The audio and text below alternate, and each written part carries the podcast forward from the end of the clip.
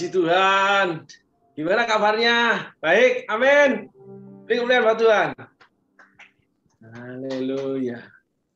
Ku hidup karena anugerahmu. Amin, saudara.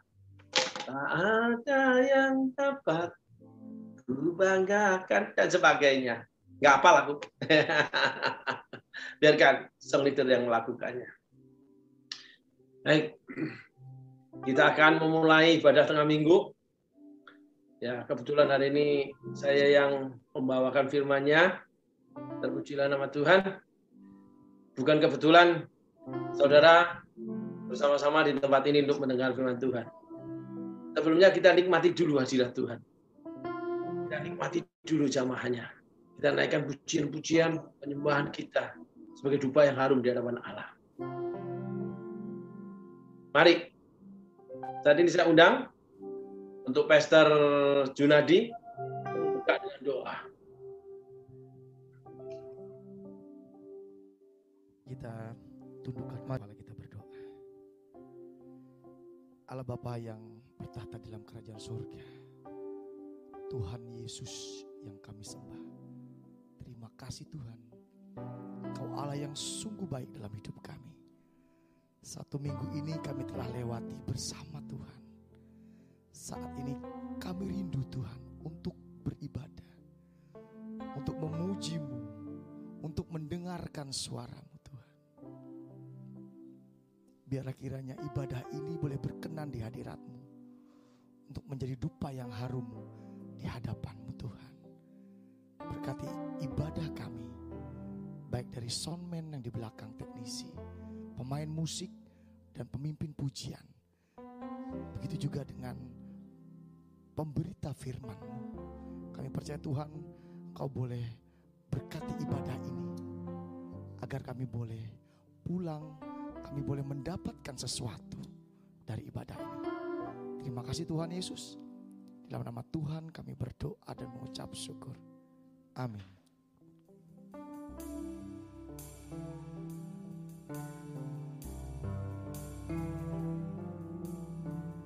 Mari saudara, kita mau datang ke hadiratnya. Kita mau naikkan pujian kita. Kita naikkan pujian kita. Kami hidup karena anugerah.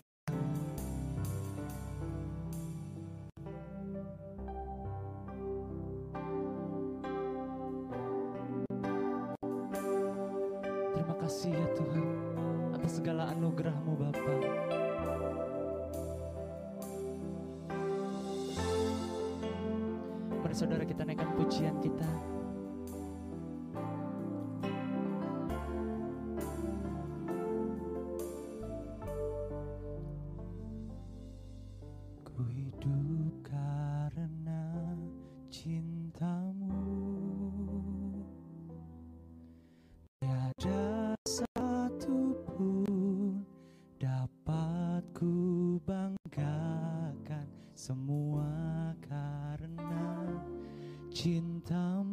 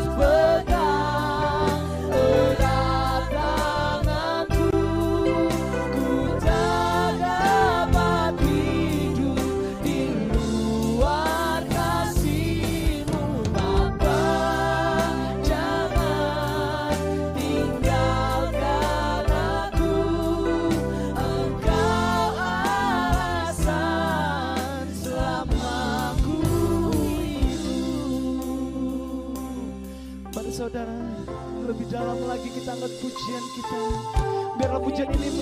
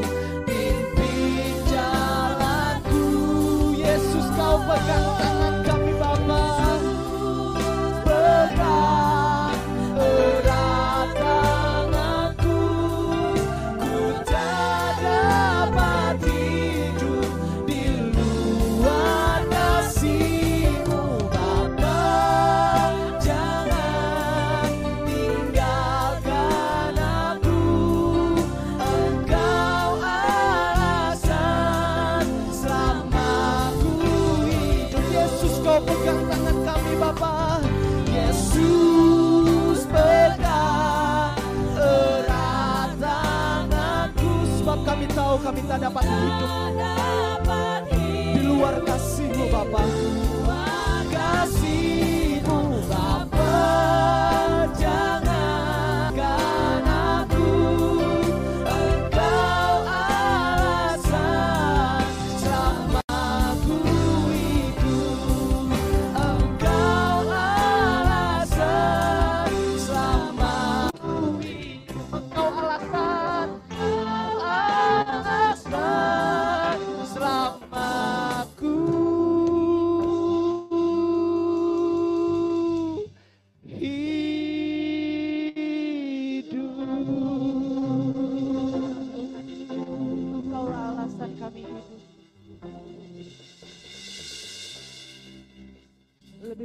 Ibu Saudara kita naikkan pujian di hadapan Tuhan.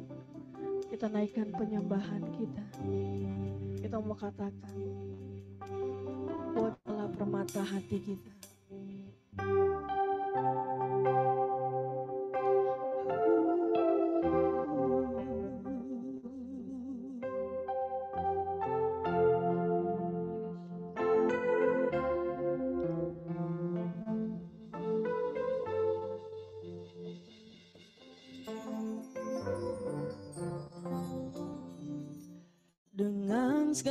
Segenap hati dan jiwaku. Ku datang padamu dalam kerinduan. Kasihmu yang sanggup mengubahku Dan menguatkanku dalam pengharapan Yesus engkaulah permata hatiku. Dunia tak dapat menggantikanmu. Kemuliaanmu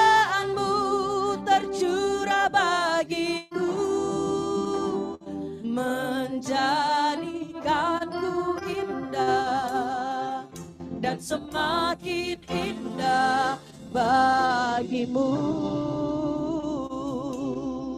Lebih lagi kita naikkan penyembahan di hadapan Tuhan.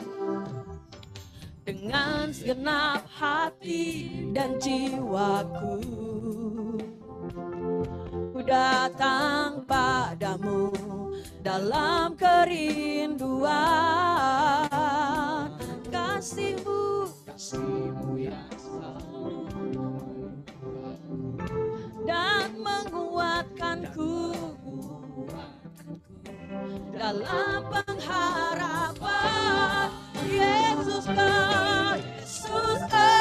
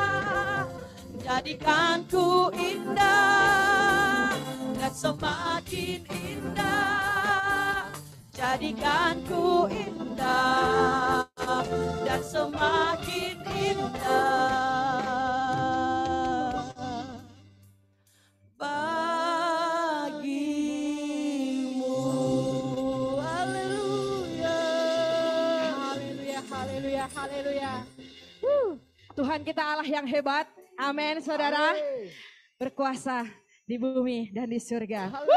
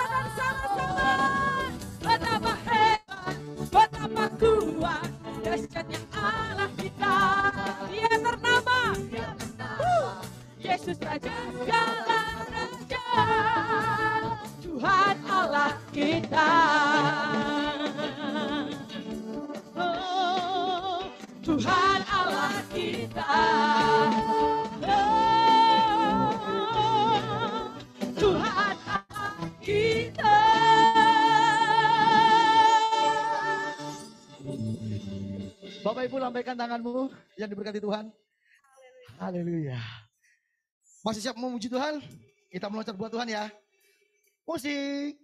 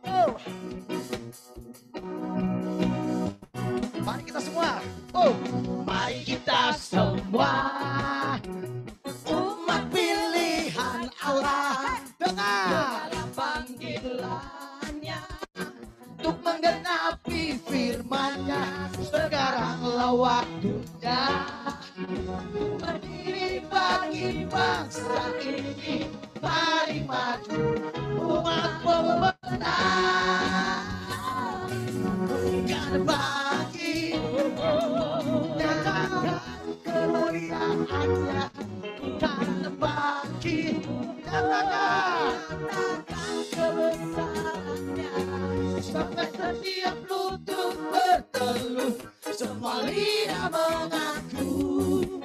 Yesus Kristus dialah Tuhan. Raja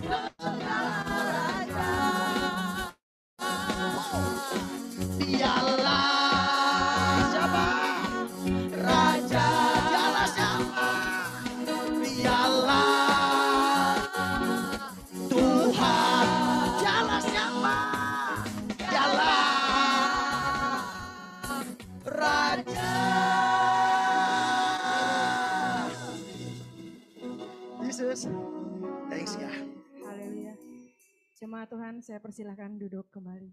Haleluya Yesus. Glory bagimu. Persiapkan setiap hati kami Tuhan. Kau sudah melayakkan kami. Kami siap. Haleluya Yesus.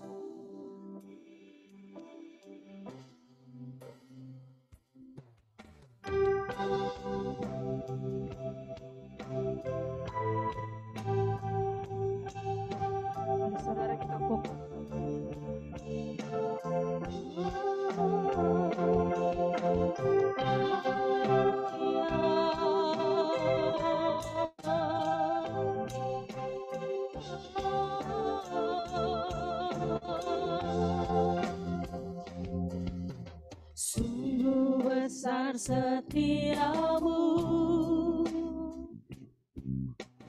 nyata di sepanjang hidup.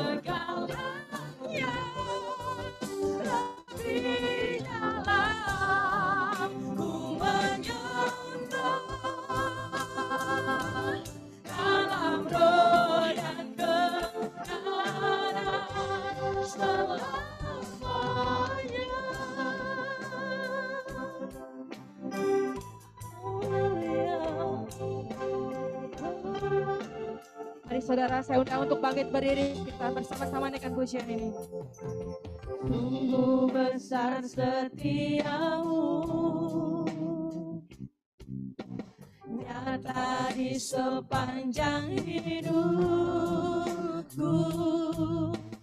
Darahmu telah layakkan kehidupanku.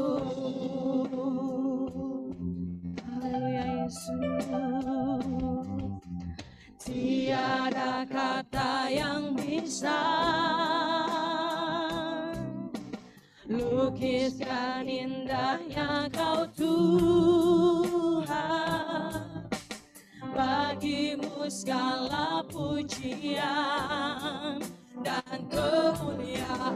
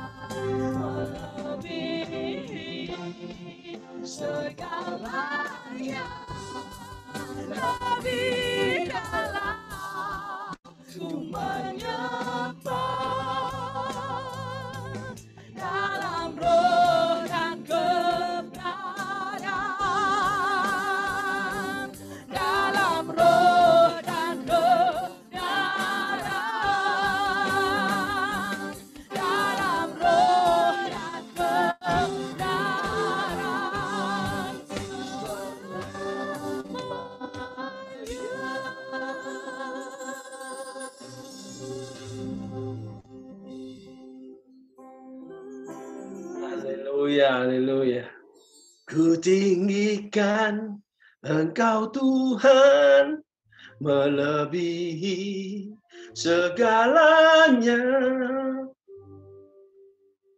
Halo. Apa seperti itu, saudaraku? Atau saudara lupa kalau ada Tuhan? Kalau susah, nggak menangis sama Tuhan.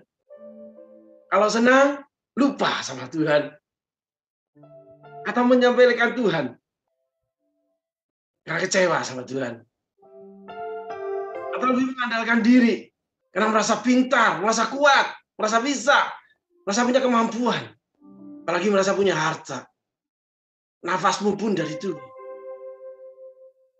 Saya mendengarkan kesaksian Deddy Corbusier Orang yang sangat luar biasa menjaga kesehatan, yang paham ilmu pengetahuan. Orang yang pandai.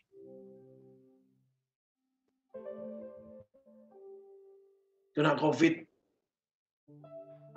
negatif, sembuh, tiba-tiba diserang badai sistoksin. COVID masih dinamis ilmu pengetahuan belum bisa membedah seperti sakit polio mungkin, DPAT vaksinnya yang pasti top chair.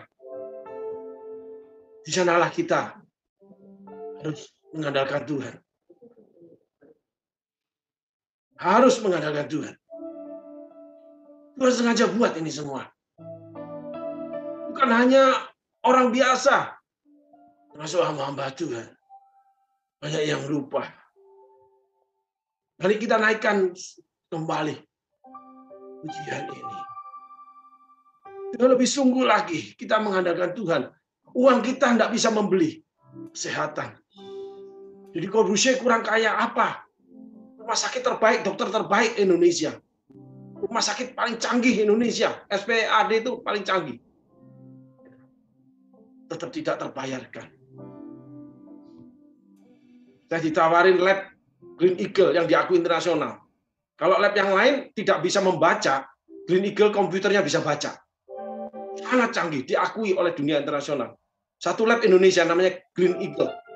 Diakui. Tapi kalau kena COVID ya tetap aja COVID. Saya dengar lagi kesaksian dari hambanya, orang tuanya di desa. Nun jauh di sana di Pematang Limau. Satu keluarga kena COVID, minum obat sembarangan. Eh dua hari sembuh dia. Tapi bukan itu maksud saya. Bahwa saudara boleh kena COVID minum obat sembarang. Bukan. Karena keterbatasan di ujung sana. Untuk berobat mungkin Tuhan sembuhkan. Imunitas sembuhkan. Jadi Corbusier di Jakarta. Sembuh. Rumah sakit terbaik. Dokter terbaik. Tiga hari kemudian. Dia terkena badai sitokin. Hampir tewas itu saudaraku. Saya juga mengalami hal yang sama tapi ketika tangan kita mengangkat kepada Tuhan, saya cuma ngomong Tuhan, aku belum siap mati. Saudara kalau mengalami susah ngomong sama Tuhan, Tuhan, saya begini, saya mau begini. Dan saya mulai belajar lagi apa artinya jawaban doa. Setelah itu, setelah Tuhan bicara sama saya, kamu hidup, tidak akan mati. Setiap doa saya jelas itu Tuhan jawab. Semua doa saya jelas Tuhan jawab. Yang terakhir bulan September, saya itu berangan-angan bermimpi mengundang pembicara top Indonesia. Dengan sebelah terbatasnya kita. SDM terbatas, keuangan terbatas. Full bulan 9. Penuh Rabu sama Minggu. Diisi pembicara-pembicara top Indonesia. Tuhan bekerja. Tuhan menjawab doa saudara dan saya. Beri kemuliaan buat Tuhan. Oh, haleluya, Tuhan hidup. Yesus itu hidup. Mari kita naikkan pujian ini. Ku Engkau Tuhan.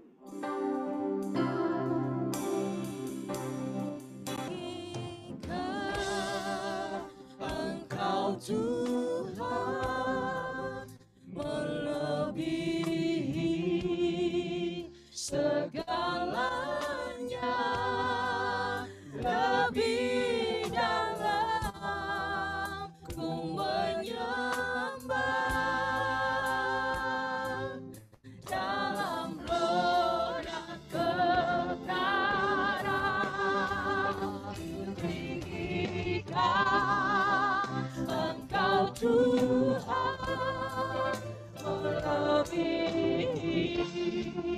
segalanya lebih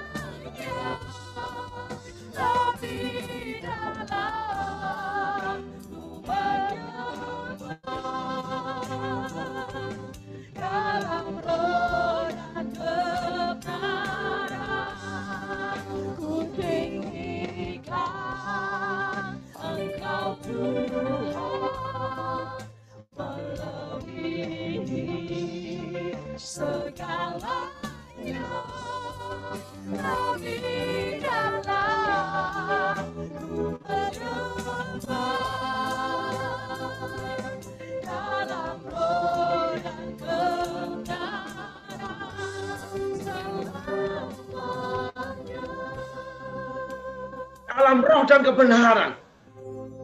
Roh itu hati. Hati adalah roh manusia. Kebenaran firman Tuhan yang berusaha sebisa-bisanya kita lakukan dengan keterbatasan kita. Tidak ada manusia bisa jadi malaikat. Tidak ada yang pernah bisa menjadi Tuhan Yesus. Manusia tetaplah manusia. Banyak kebutuhan. Banyak darah dan daging yang bekerja. Banyak keinginan. Tapi kalau itu benar di hadapan Tuhan, Tuhan kan beri saudara. Kalau itu memang sesuai dengan kehendak Tuhan, di dalam rancangan, dalam rencana yang sempurna, Dia akan beri buat saudara. Kamu boleh main, boleh punya, boleh ingin, boleh memiliki. Tapi yang pertama Tuhan minta, jangan lupakan Tuhan. Hari ini kita akan belajar tentang Yusuf.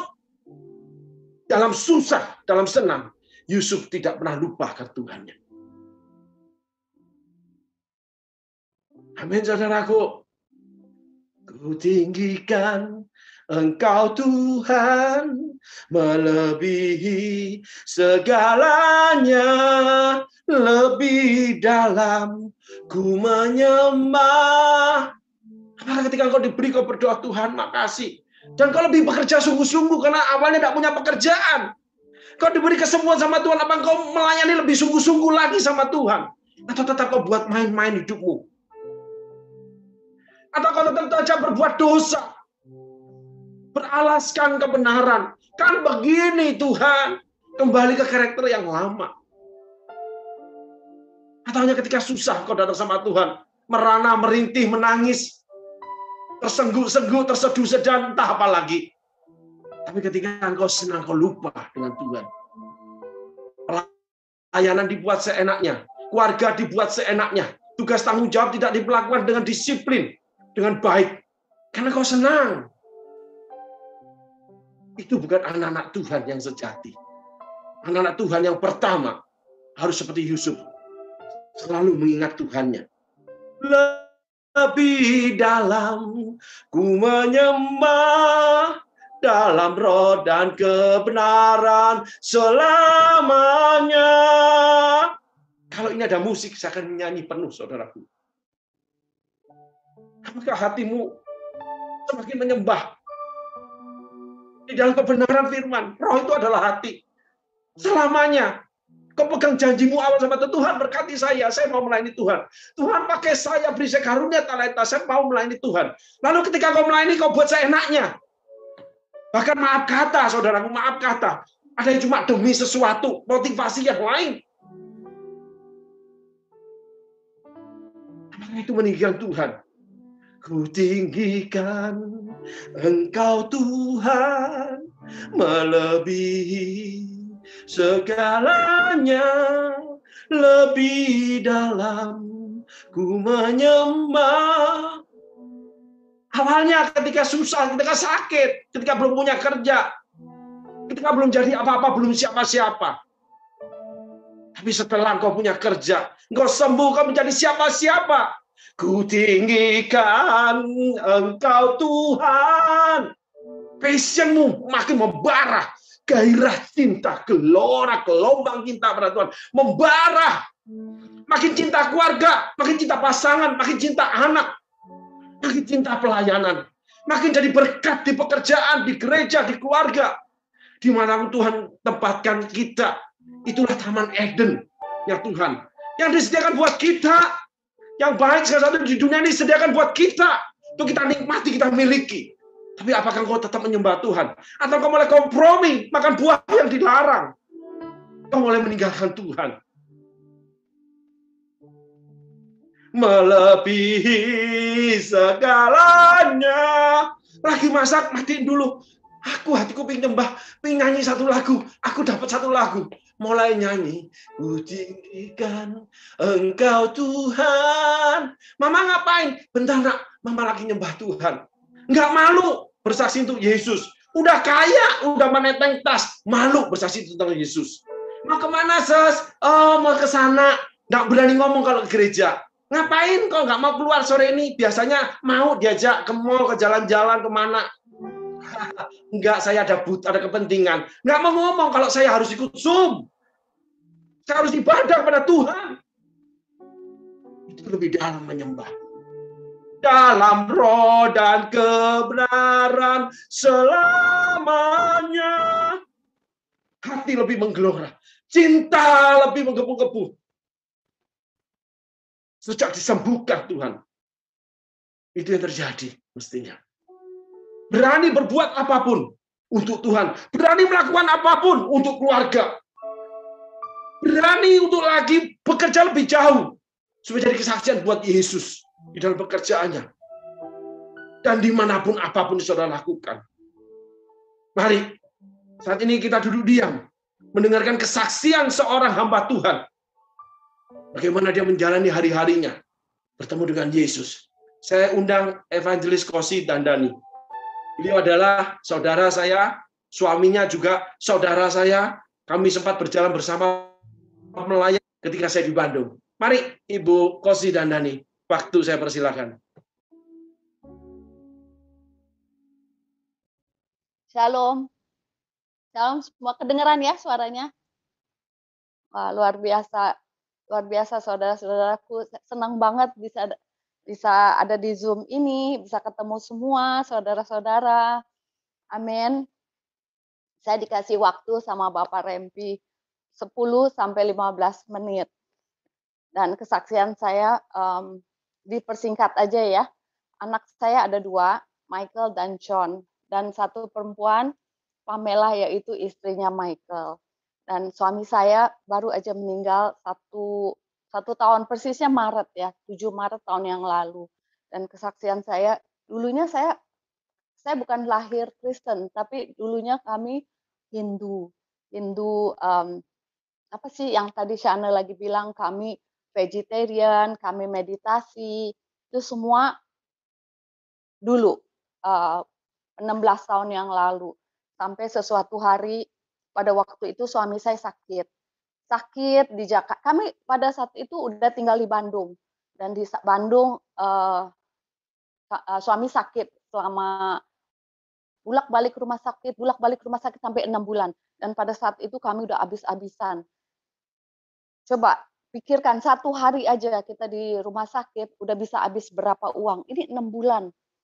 Rumah hampir apa kami uh, mau jual toko kami bisa apa juga kami punya toko pada saat itu terus begitu um, deposito udah habis-habisan mobil habis-habisan semua dan apa yang terjadi itu persisnya di 2005 enam bulan bolak-balik rumah sakit sampai pada titik dokter bilang begini uh, di rumah sakit bilang ya udahlah pokoknya sekarang kita mau operasi dia punya pankreas bengkak ini di 2005 pankreas suami saya bengkak dan nggak bisa diapa-apain, cuman bisa di um, operasi. Operasi itu pun dia nggak menjamin bahwa itu bisa baik gitu.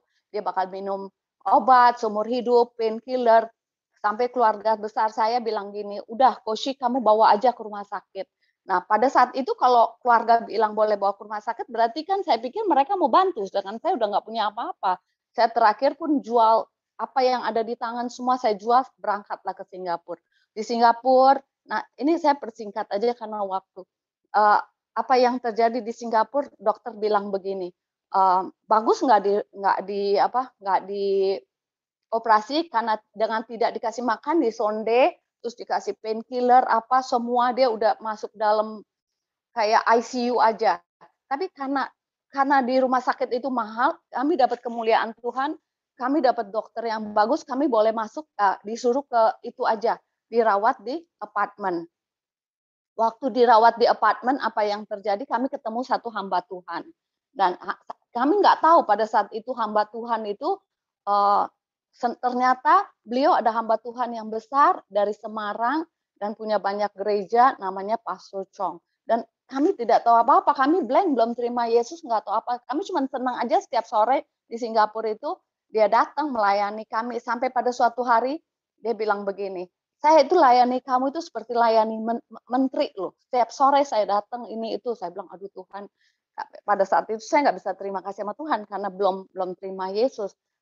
Dia kasih dia datang ke ke apartemen, dia kasih buku, semua dia kasih yang yang uh, semua yang sekarang saya lagi pakai ini semua Bible semua dia kasih sampai saya nggak tahu kalau saya buka pun saya nggak mengerti saya nggak tahu harus berdoa atau apa sampai sesuatu hari apa sesuatu hari kami di Singapura enam minggu dan kami udah habis-habisan udah nggak tahu. Nah, di sini juga di Bandung, anak saya Michael lagi lagi jaga toko, jaga toko dan kalau kita kan kalau kita beli barang kita harus bayar kan tiga bulan, empat bulan. Uang itu semua kepake untuk obat. Jadi untuk bayar orang susah dan Michael dikejar-kejar terus di, di apa anak saya Michael dikejar di Bandung. Ada yang uh, debt collector, bos, sales tiap hari datang minta sampai dia stres Sampai dia pernah tulis di SMS. Dulu kan nggak ada WhatsApp, tulis di SMS. Tidak ada Tuhan. Karena satu bulan, dua bulan, tiga bulan, nggak selesai-selesai papanya sakit-sakit juga. Pada saat itu, saya juga sedih ya, kok anak bisa ngomong kayak gitu, nggak ada Tuhan. Memang kita juga nggak punya Tuhan tuh waktu, tapi sedih banget, anak tuh drop banget. Sedangkan anak saya lagi, si Sean satu lagi, dikeluarin dari sekolah karena nggak bisa bau nggak bisa bayar suruh pulang.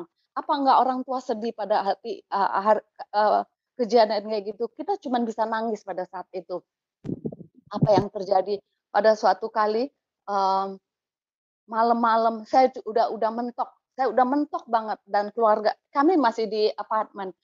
Suami sih udah nggak tahu apa-apa, dia dia pakai sonde kiri kanan semua dia pakai alat-alat di situ di di apartemen. Dan malam itu keluarga saya satu ada telepon sama saya dia bilang, Koshi kamu baik. Saya nggak bilang saya baik, saya cuma bilang gini, mama saya nggak pernah ajarin saya untuk minta. Sampai ini hari kami nggak pernah belajar untuk minta. Saya cuma bilang, kak, saya pinjam. Saya masih punya rumah, saya masih punya aset di Bandung. Saya nanti akan bayar.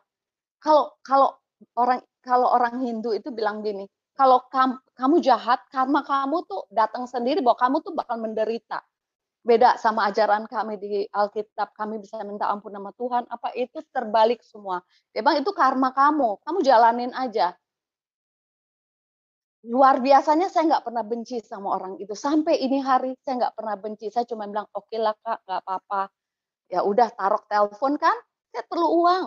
Saya perlu uang pada saat itu. Aset masih ada.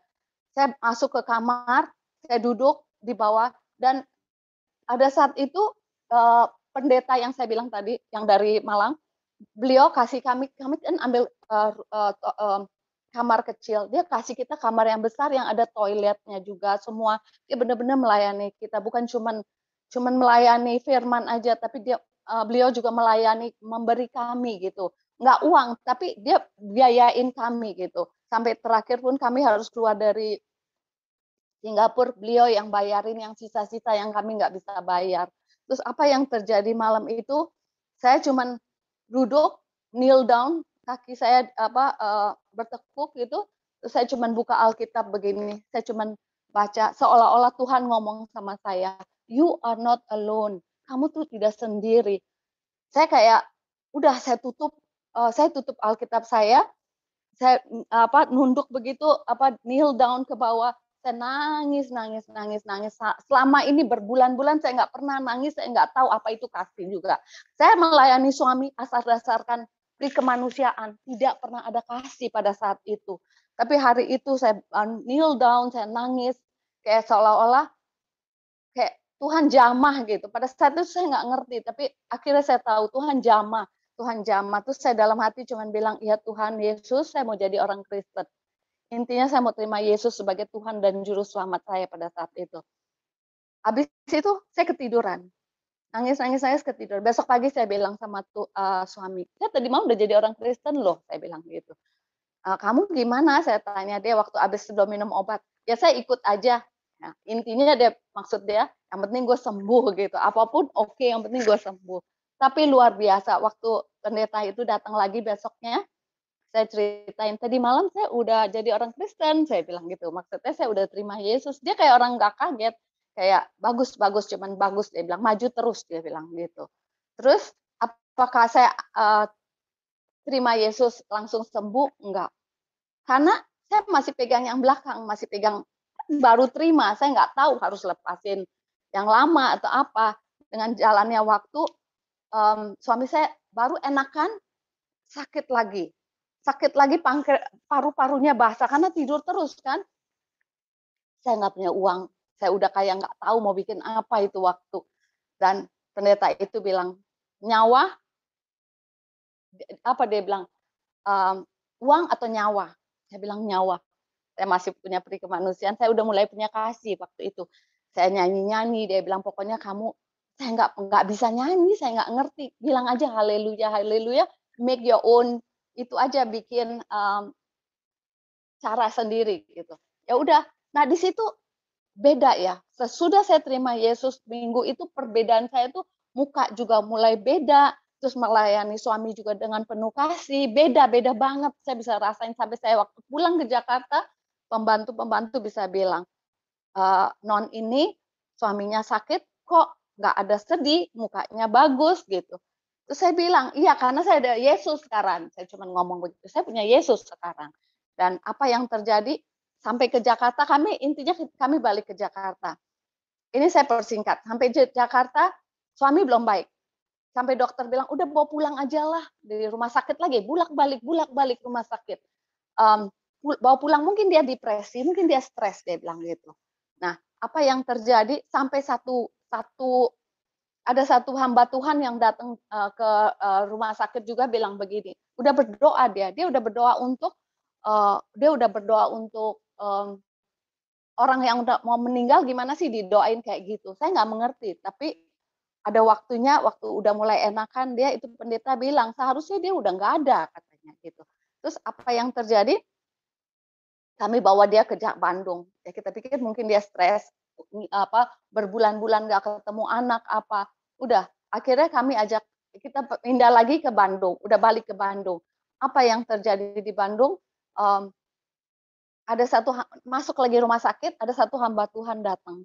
Datang dia perjamuan kudus. Semenjak dia perjamuan kudus itu, keluarganya diserang. Diserang, nggak tahu bagaimana ceritanya panjang, cuman intinya dia diserang. Dia cerita saya, saya diserang tadi malam anak saya uh, dan saya juga diserang. Saya greget, waktu saya dengar gitu kayak saya bilang kenapa dia harus diserang gara-gara kita kan bang?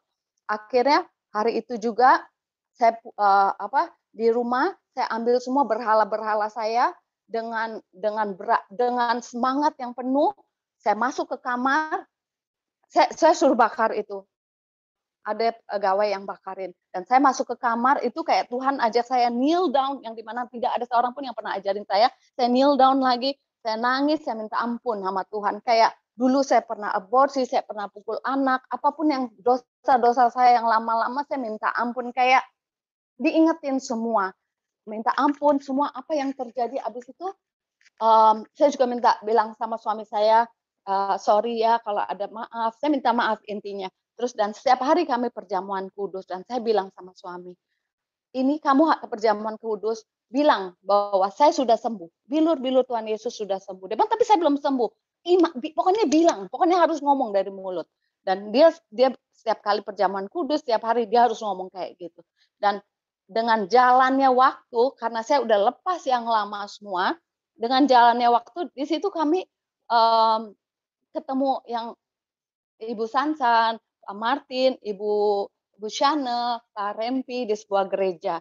Nah, di situ kami bertumbuh, kami dua atau tiga tahun kami di gereja itu mulai bertumbuh bertumbuh juga dan juga di sini kami juga banyak belajar dari gereja ini dan di sini juga kalau mulai grafik tuh mulai naik suami punya suami punya um, penyakit tuh mulai naik, naik, naik, mulai bagus intinya. Dan di sini puji Tuhan, bukan cuma suami juga disembuhin, uh, keluarga kami semua disembuhkan, anak-anak yang gimana dulu juga dipulihkan semua, ekonomi kami yang kami banyak utang di luar kemarin kami pakai semua kan untuk uangnya uh, uh, toko, itu pun semua terlunasi bermiliar-miliar itu. Kalau ditanya bagaimana caranya sampai sekarang, saya nggak tahu dan dan berjalannya waktu um, kami ekonomi kami bagus, kami bisa jual uh, jual aset kami yang bagus dan pegang uang, kami melayani, itu semua luar biasa. Dan apa yang terjadi tengah-tengah uh, berapa tahun yang lalu uang kami um, ditipu orang, diambil orang, sampai kami nol. Kami nggak punya apa-apa lagi. Kami broke lah bilangnya nggak ada income, nggak ada apa. Dan juga di sini anak-anak kami juga dua-duanya ke Jakarta harus bekerja. Kami nggak sanggup kasih makan mereka juga, mereka harus bekerja di Jakarta. Dan apa yang terjadi? Suami saya kena kanker. Uh, persisnya 2018 suami saya kena kanker. Dan waktu dia kena kanker gitu, dua um, kami dia kami sempat shock sih kenapa kami ya, harus uh, kena kanker apa tapi di sini um, dokter bilang kamu harus kemo. Dengan kemo kamu bisa survive enam bulan. Tapi kalau kamu nggak kemo, kamu uh, survive tiga bulan cuman. Tapi kehendak Tuhan beda. Kehendak Tuhan Tuhan kasih uh, sama suami saya dua tahun hidup. Uh, di dua tahun ini itu sangat sangat luar biasa. Kalau dipikir kami rumah kontrak, suami sakit, anak-anak di luar kota dan kami bolak-balik rumah sakit yang kalau orang cancer tuh nggak bisa di rumah terus di rumah sakit terus enggak. Jadi bolak-balik bolak-balik rumah sakit itu nggak gampang. Nggak gampang sama sekali untuk dia dan untuk saya yang urusin. Saya nggak taruh suster. Mau taruh suster gimana caranya? Kita harus keluarin uang banyak kan? Teman-teman bilang kamu taruh suster. Enggak biarin saya yang urus saya bilang gitu. Tapi di sini yang diproses kebanyakan tuh yang yang jaga gitu. Yang jaga ini tuh diprosesnya dengan luar biasa. Apa yang terjadi di sini dengan tidak tidak tidak ada income, tapi setiap hari ada aja yang datang. Itu dalam dua tahun itu saya bisa hitung ratusan orang yang datang. Di sini Tuhan juga izinkan saya pernah ada kesaksian bahwa di Jakarta ada hamba Tuhan, saya nggak sebutin namanya, istrinya sakit, sakit cancer. Dan waktu istrinya sakit cancer, tidak ada satu orang pun mau keluarga, mau tetangga apa nggak ada yang datang. Dia hidup, dia maksud suami istri aja bolak-balik ke rumah sakit. Tapi di sini Tuhan baik sekali. Berapa orang, saya nggak bisa bilang berapa, ratusan orang setiap hari ada aja datang. Dan mereka datang pasti ada makanan di rumah, ada minuman di rumah. Dan mereka semua diberkati. Dan mereka pun bawa berkat. Saya percaya satu, kalau Tuhan mau berkati, siapa pun bisa dia bawa untuk memberkati. Dan selalu saya doakan orang yang memberkati dan saya ucap syukur untuk semua kebaikan semua orang yang pernah uh, menolong hidup kami juga. Dan juga dalam proses dua tahun ini, saya sampai satu hari saya pernah bilang sama Tuhan, Tuhan, saya udah kayak uang cuma di, di bank cuma 100 atau 200 ribu. Saya bilang begini Tuhan, saya mau utang lah, namanya juga pakai pikiran sendiri Tuhan, saya mau utang sih, apa sih kasih sama saya, saya pikir. Tapi di dalam hati saya Tuhan cuma bilang begini, e, saya sanggup kok, gitu. Perkataan itu Tuhan sanggup. Ya udah, saya pikir memang itu kalau suara hati Tuhan, saya mau nurut, saya mau dengar. Benar, entah sorenya, entah besok paginya, itu dengan luar biasa. Saya ada jualan krim, jualan ini itu dapat uang berapa juta saya dapat dan dari itu kami jalanin lagi dan itu itu kalau dipikir itu sangat luar biasa. Jadi miracles after miracles dalam dua tahun ini kami lihat. Dan kami dapat full BPJS kalau enggak mau uang dari mana? Bisa miliaran. Dan BPJS itu ada juga yang bantuin kayak Tuhan kirim kirim kayak orang ini yang bisa bantuin. Dengan dengan luar biasa ya dengan luar biasa. Kami tidak pernah kekurangan dalam kejadian ini. Di sini Tuhan, aduh saya sampai bisa nangis kalau ingat kejadian-kejadian itu sangat-sangat luar biasa. Di sini juga waktu suami sakit, saya tetap melayani suami sebagai imam di keluarga. Dia sakit, tetap saya layanin dia sebagai imam. Saya bilang dalam hati saya nggak mau bilang dia sakit.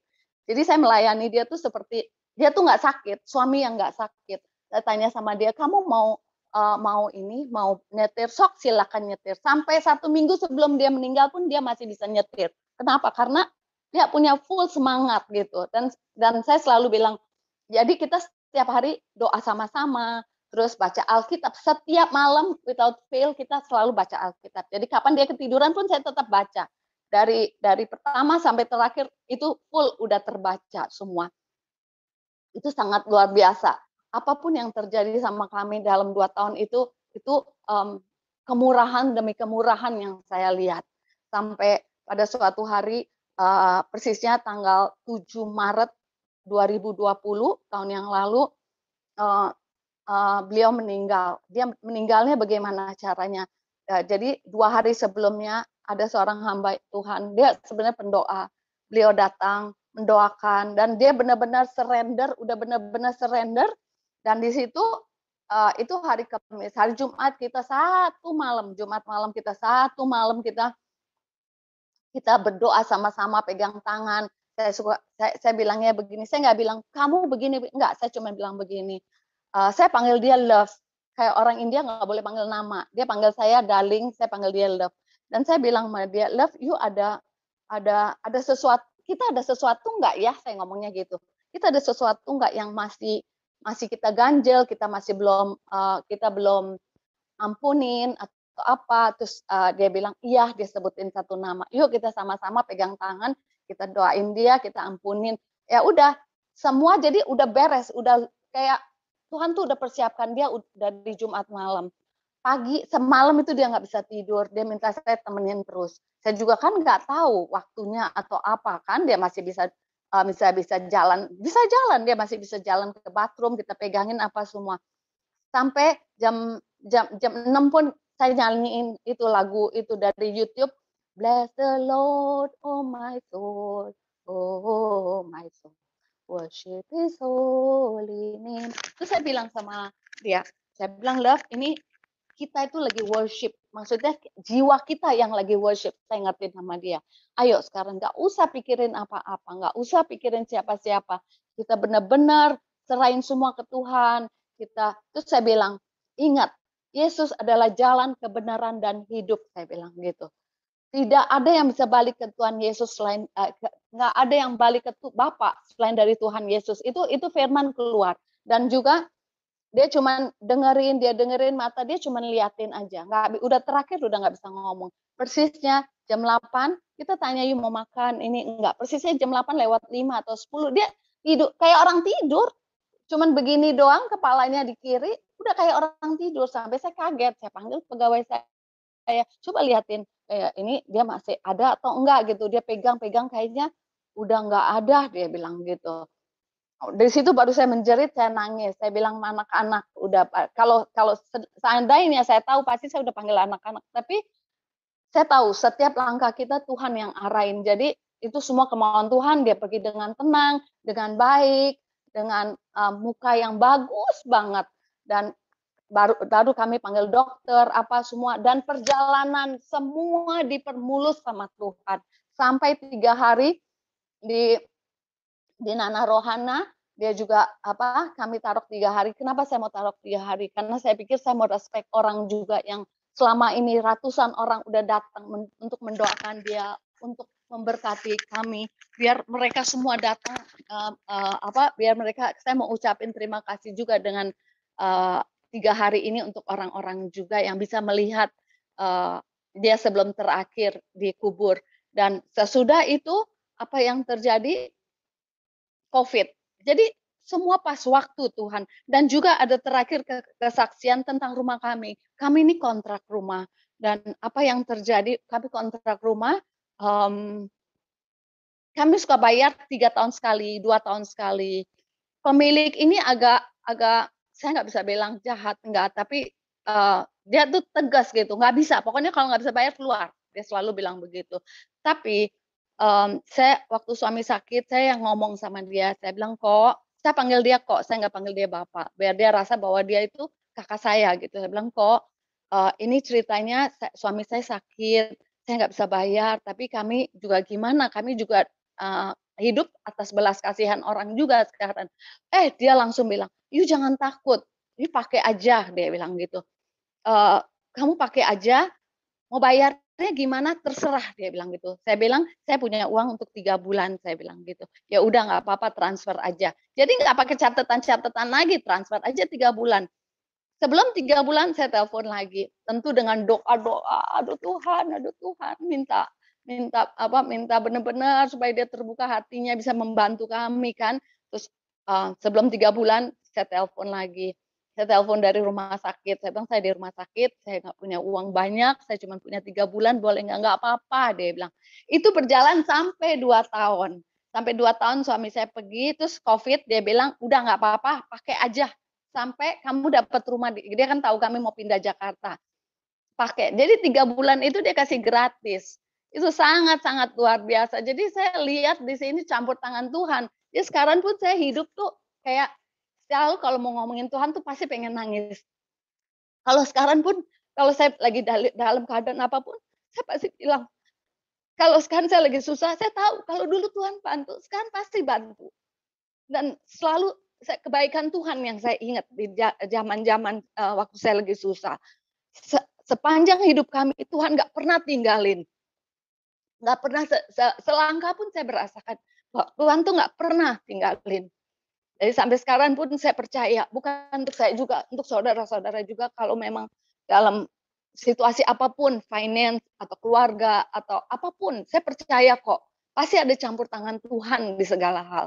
Nah, hari ini pun saya bisa bersaksi di sini, pasti itu kemauan Tuhan. Tuhan kasih kelancaran, Tuhan kasih kemurahannya untuk saya bisa bersaksi, untuk memuliakan nama Tuhan. Biar semua orang pun uh, diberkati dengan dengan kesaksian ini. Amin. Saya juga percaya juga bahwa um, 15 tahun Tuhan kasih suami saya uh, kehidupan itu tuh saya ingat Yeskel. Yeskel juga dikasih kehidupan 15 tahun. Nah, uh, um, itu semua sangat luar biasa. Itulah kesaksian saya. Mungkin Michael atau Sean kalau memang ada di sini mau menambahnya atau apa? Michael, Sean. Oke. Halo, shalom. Shalom. Iya, waktu um, saya langsung aja ya, jadi nggak ya. waktunya nggak terlalu lama.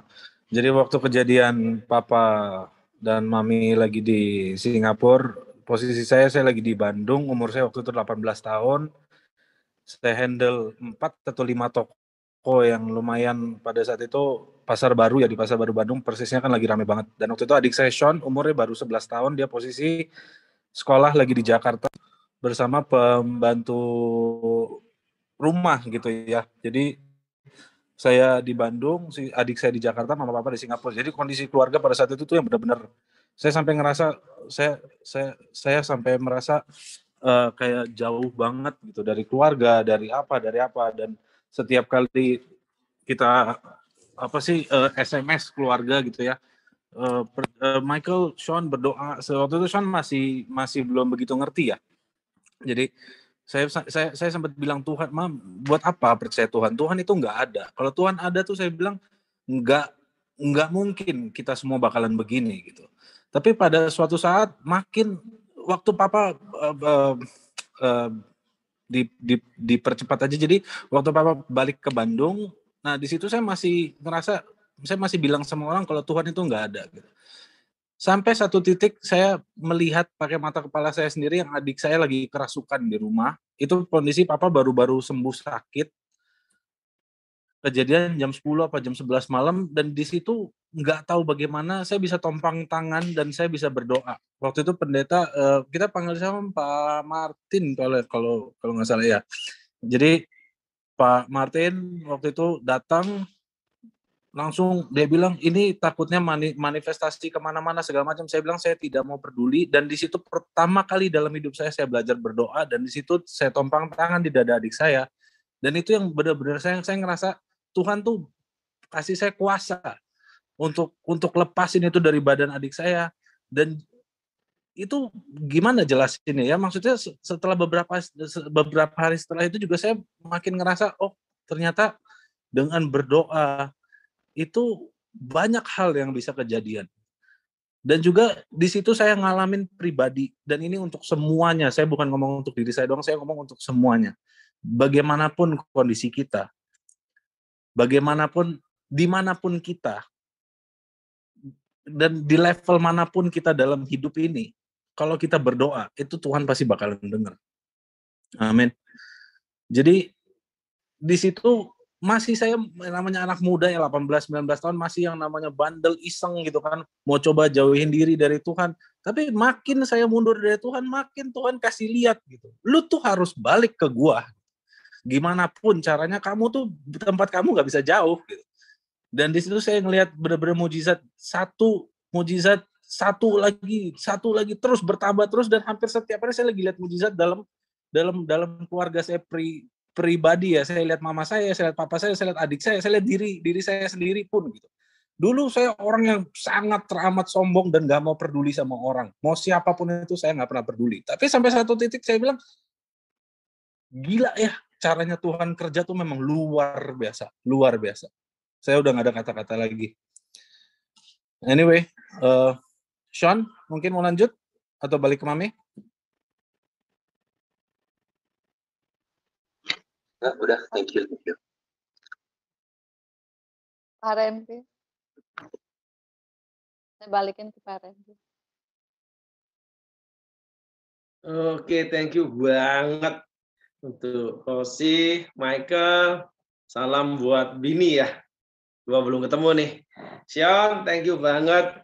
Saya kenal keluarga ini ketika saya melayani di tempat Pak Martin Chandra dan kita ketemu dalam arena KKR. Setelah itu beliau kami undang melayani setelah beberapa saat dan yang namanya Papa ini fanatiknya gila lebih dari kita dia. Nggak ada ke mana-mana. Taunya Tuhan aja sampai dipanggil pulang. Itulah kasih mula-mula. Setia. Setia dan setia.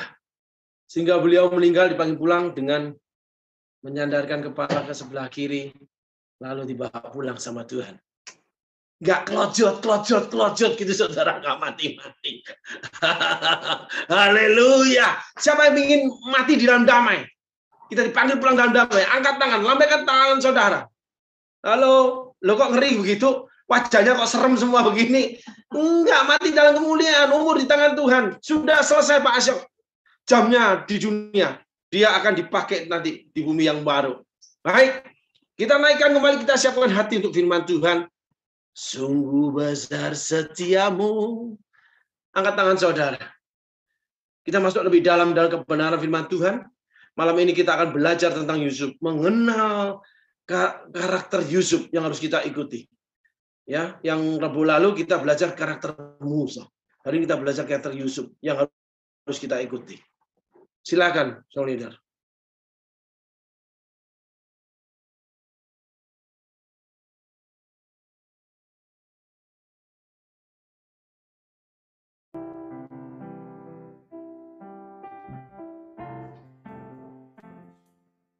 Angkat tangan saudara. Naikkan penyembahan ini. Sungguh besar setiamu. Sungguh besar setiamu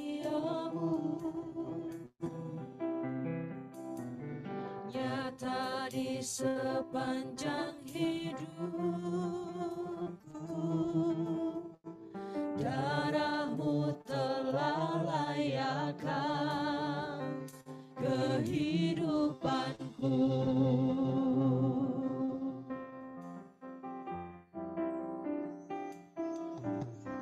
Tiada kata yang bisa lukiskan indahnya kau Tuhan. Bagimu segala pujian dan kemuliaan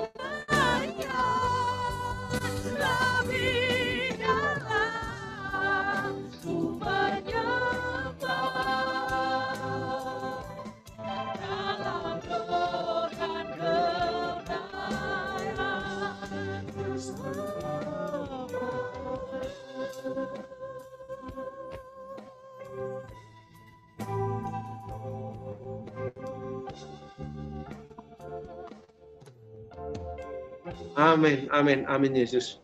Mari kita berdoa. Terima kasih untuk segala berkat dan rahmat-Mu Tuhan. Berkati keluarga Kosi, keluarga Michael, berkati Sion. Mereka adalah hamba-hambamu Tuhan. Mereka anak-anakmu yang kau sudah panggil. Dan kau akan pakai mereka sesuai dengan waktumu Tuhan. Terima kasih. Saat ini berikan kami hati seorang murid, telinga seorang murid. Mari roh kudus kau yang bekerja. Tuliskan Tuhan, letakkan di pikiran kami apa yang kami harus perbuat untuk hari-hari yang akan datang. Karena kami hari ini belajar daripada karakter Yusuf, karakter yang kau anggap indah di hadapanmu. Makasih Bapa, saat ini kamu mau diam di bawah kakimu di dalam kebenaran firman-Mu. Terima kasih Tuhan, di dalam nama Yesus kami semua siap menerima kebenaran firman-Mu. Sama-sama katakan, amin. Terpujilah nama Tuhan. Baik, kita akan belajar dari kitab Kisah Rasul pasal 7 ayat 9 sampai 15, Saudaraku. Ya, tolong host dibacakan. Karena iri hati, bapak-bapak leluhur kita menjual Yusuf ke tanah Mesir, tetapi Allah menyertai dia. Stop dulu. Karena iri hati, bapak-bapak leluhur kita menjual Yusuf ke tanah Mesir, tetapi Allah menyertai dia. Yo, sama iri hati. Orang iri hati itu akan menyingkirkan kelebihan orang lain. Orang iri hati itu akan meniadakan kelebihan orang lain. Dan selalu melihat kesalahan orang lain. Itu ciri orang iri hati. Jadi, jadi kalau ngomong salah orang lain terus, ingat kamu sedang iri hati. Nanti kalau ada kesempatan kita akan belajar tentang kain. Kenapa kita iri hati? Itu ada di kitabnya kain, kitab kejadian. Gitu. Lanjut, tolong dibaca lagi. Tos. Dan melepaskannya dari segala penindasan serta menganugerahkan kepadanya kasih karunia dan hikmat. Ketika ketika ia menghadap Firaun raja Mesir, Firaun mengangkatnya menjadi kuasa atas tanah Mesir dan atas seluruh istananya. Oke.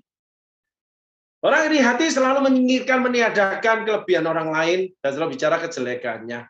Tetapi Allah menyertai dia. Makanya saudara, ketika saudara jadi korban iri hati, nyantai aja. Nggak usah bingung. Rileks aja. Tuhan bela saudara. Tuhan sertai saudara. Ada hal yang indah Tuhan sediakan. Tapi Tuhan sedang proses saudara. Karena nanti di dalam kelompok kerjanya Yusuf, itu Yusuf tidak boleh iri hati. Jadi ketika saudara mengalami dianiaya iri hati, seakan-akan Allah bicara, saudara itu tidak boleh iri hati. Kalau tidak, Yusuf iri hati sama Fir'aun. Banyak orang-orang yang diangkat oleh orang lain. Ketika satu kali dia merasa hebat, dia singkirkan orang yang mengangkat dia. Sangat banyak itu saudaraku. Bukan hanya di gereja, di mana-mana. Gitu. Salah satu kelengkapan manusia itu punya yang namanya kasih. Salah satu kelengkapan kasih mengingat kebaikan seseorang.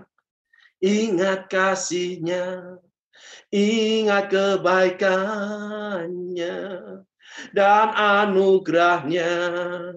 Selamatkanku, sebab kasihnya setinggi langit. Itu yang diucapkan saudari kita, Kosi. Dia selalu ingat kasih Tuhan, pingin nangis dia kalau ingat kasih Tuhan.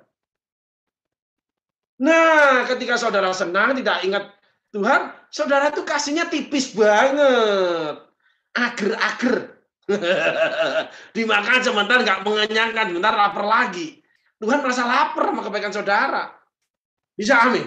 Lambaikan tangan saudara. Oh, haleluya. Berkati tangan-tangan melambaikan Tuhan. Entah mereka iri hati atau mereka mendapatkan orang lain iri hati mereka. haleluya, haleluya. Terpujilah nama Tuhan. Tuhan menyediakan sesuatu buat saudara ketika saudara dianiaya oleh sebab kebenaran.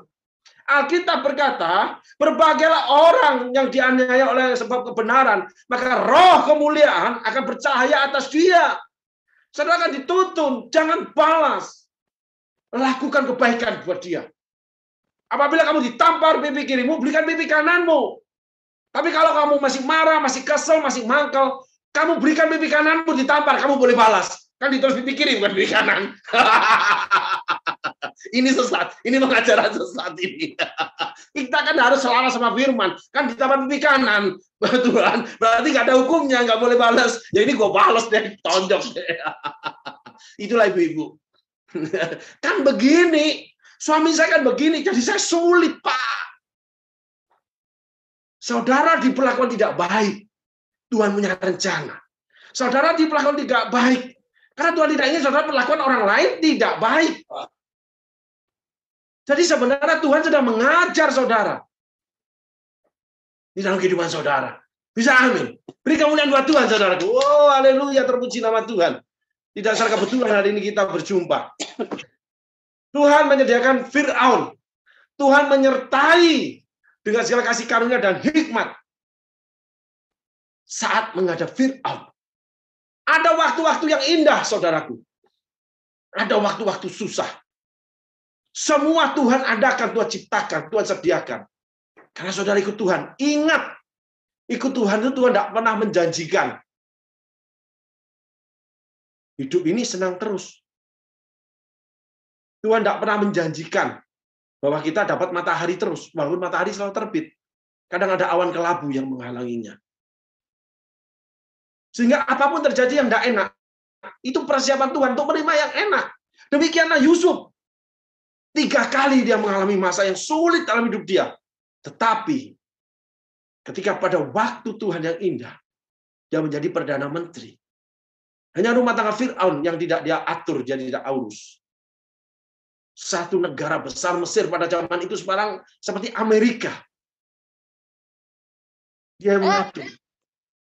Sam, Berasnya gak bu, kayak Turun teko bu berasnya. Itulah kelebihan Zoom. Kita bisa terima cerita beras. Bercanda saudaraku. Tuhan mempersiapkan saudara untuk menerima yang indah dari Tuhan. Sesuai waktu Tuhan. Terima yang tidak enak. Belajar apa yang Tuhan ingin ajarkan. Sehingga saudara ketika enak, saudara tidak melupakan Tuhan. Dan saudara tidak melakukan yang tidak enak. Seperti orang melakukan terhadap saudara. Itulah artinya pengampunan. Tidak boleh membalas. Itu seperti itu. Itu ada unsur didikan Tuhan. Sehingga suatu hari ketika sudah melakukannya, saudara akan ingatkan, eh, diingatkan Tuhan. Bahwa perilakumu buruk sama seperti orang yang kamu bicarakan itu. Seringkali kami berdialog, ya saya dengan istri, sering kali kami saling mengingatkan. Indahnya suami istri di sana, saudaraku. Bukan menyinggung yang suaminya udah dipanggil pulang ya. Enggak loh. Karena di sini banyak teman-teman yang suaminya panggil pulang. Maklum usia saya baru 27. Amin, saudaraku. Kami berdialog, berbicara saling mengingatkan. Maka saudara-saudara harus mau diingatkan Tuhan. Salah satunya melalui peristiwa juga melalui orang lain. Tapi hari ini kita bicara bagaimana Tuhan mengingatkan Yusuf. Maka hasil buahnya, Yusuf ketika jadi eh, namanya pembesar, jadi orang kaya, orang besar, Yusuf tidak pernah melupakan saudara-saudaranya. ingat kasihnya, ingat kebaikannya. Dia ingat ayahnya, dia ingat adiknya, yang namanya Benyamin. Yang paling dikasih sama Yusuf. Dia terima perilaku saudara-saudaranya berdasarkan waktu. Jadi sehingga saudara merasa sakit oleh peristiwa, kalau Tuhan izinkan, itu butuh waktu saudara sembuh. Saudara jangan buru-buru menekan diri, jangan buru-buru menghakimi diri. Kenapa saya jadi begini? Tuhan butuh waktu untuk menyembuhkan saudara. Saudara sedang luka hatinya. Emosinya luka. Saudara tetap berjalan hidup saja. Tuhan tuh mengerti, Tuhan tuh peduli saudara. Allah mengerti, Allah peduli segala persoalan yang kita hadapi tak akan pernah dibiarkannya ku berjalan sendiri sebab Allah mengerti. Jangan pernah menghakimi diri. Yusuf tidak pernah melemahkan diri. Yusuf selalu maju dalam kesesaraan dijual sebagai budak, masuk penjara sebagai narapidana, dia tetap bekerja. Mengelola taman Edennya dia, mengelola, menguasai kehidupan dia. Apa yang dia miliki walaupun pakai baju penjara. Apa yang dia miliki walaupun jadi budak, tetapi di penjara pun dia menjadi orang yang menguasai penjara.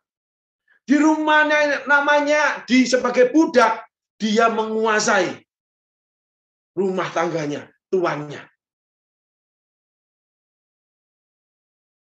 Lalu di tempatnya membesar Potifar. Jadi di mana pun kamu berada, kalau kamu mau meng, menerima, mengaccepted, mereserve bahwa itu pengajaran Tuhan, Tuhan akan angkat kamu. Beri kemuliaan buat Tuhan, saudaraku. Tuhan akan berikan terbaik buat kamu di tempat yang paling buruk, kamu tetap yang terbaik.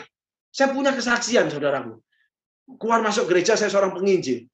Ada banyak gereja, saudaraku. Itu di desa. Tapi peralatannya tidak kalah dengan kota besar, saudaraku.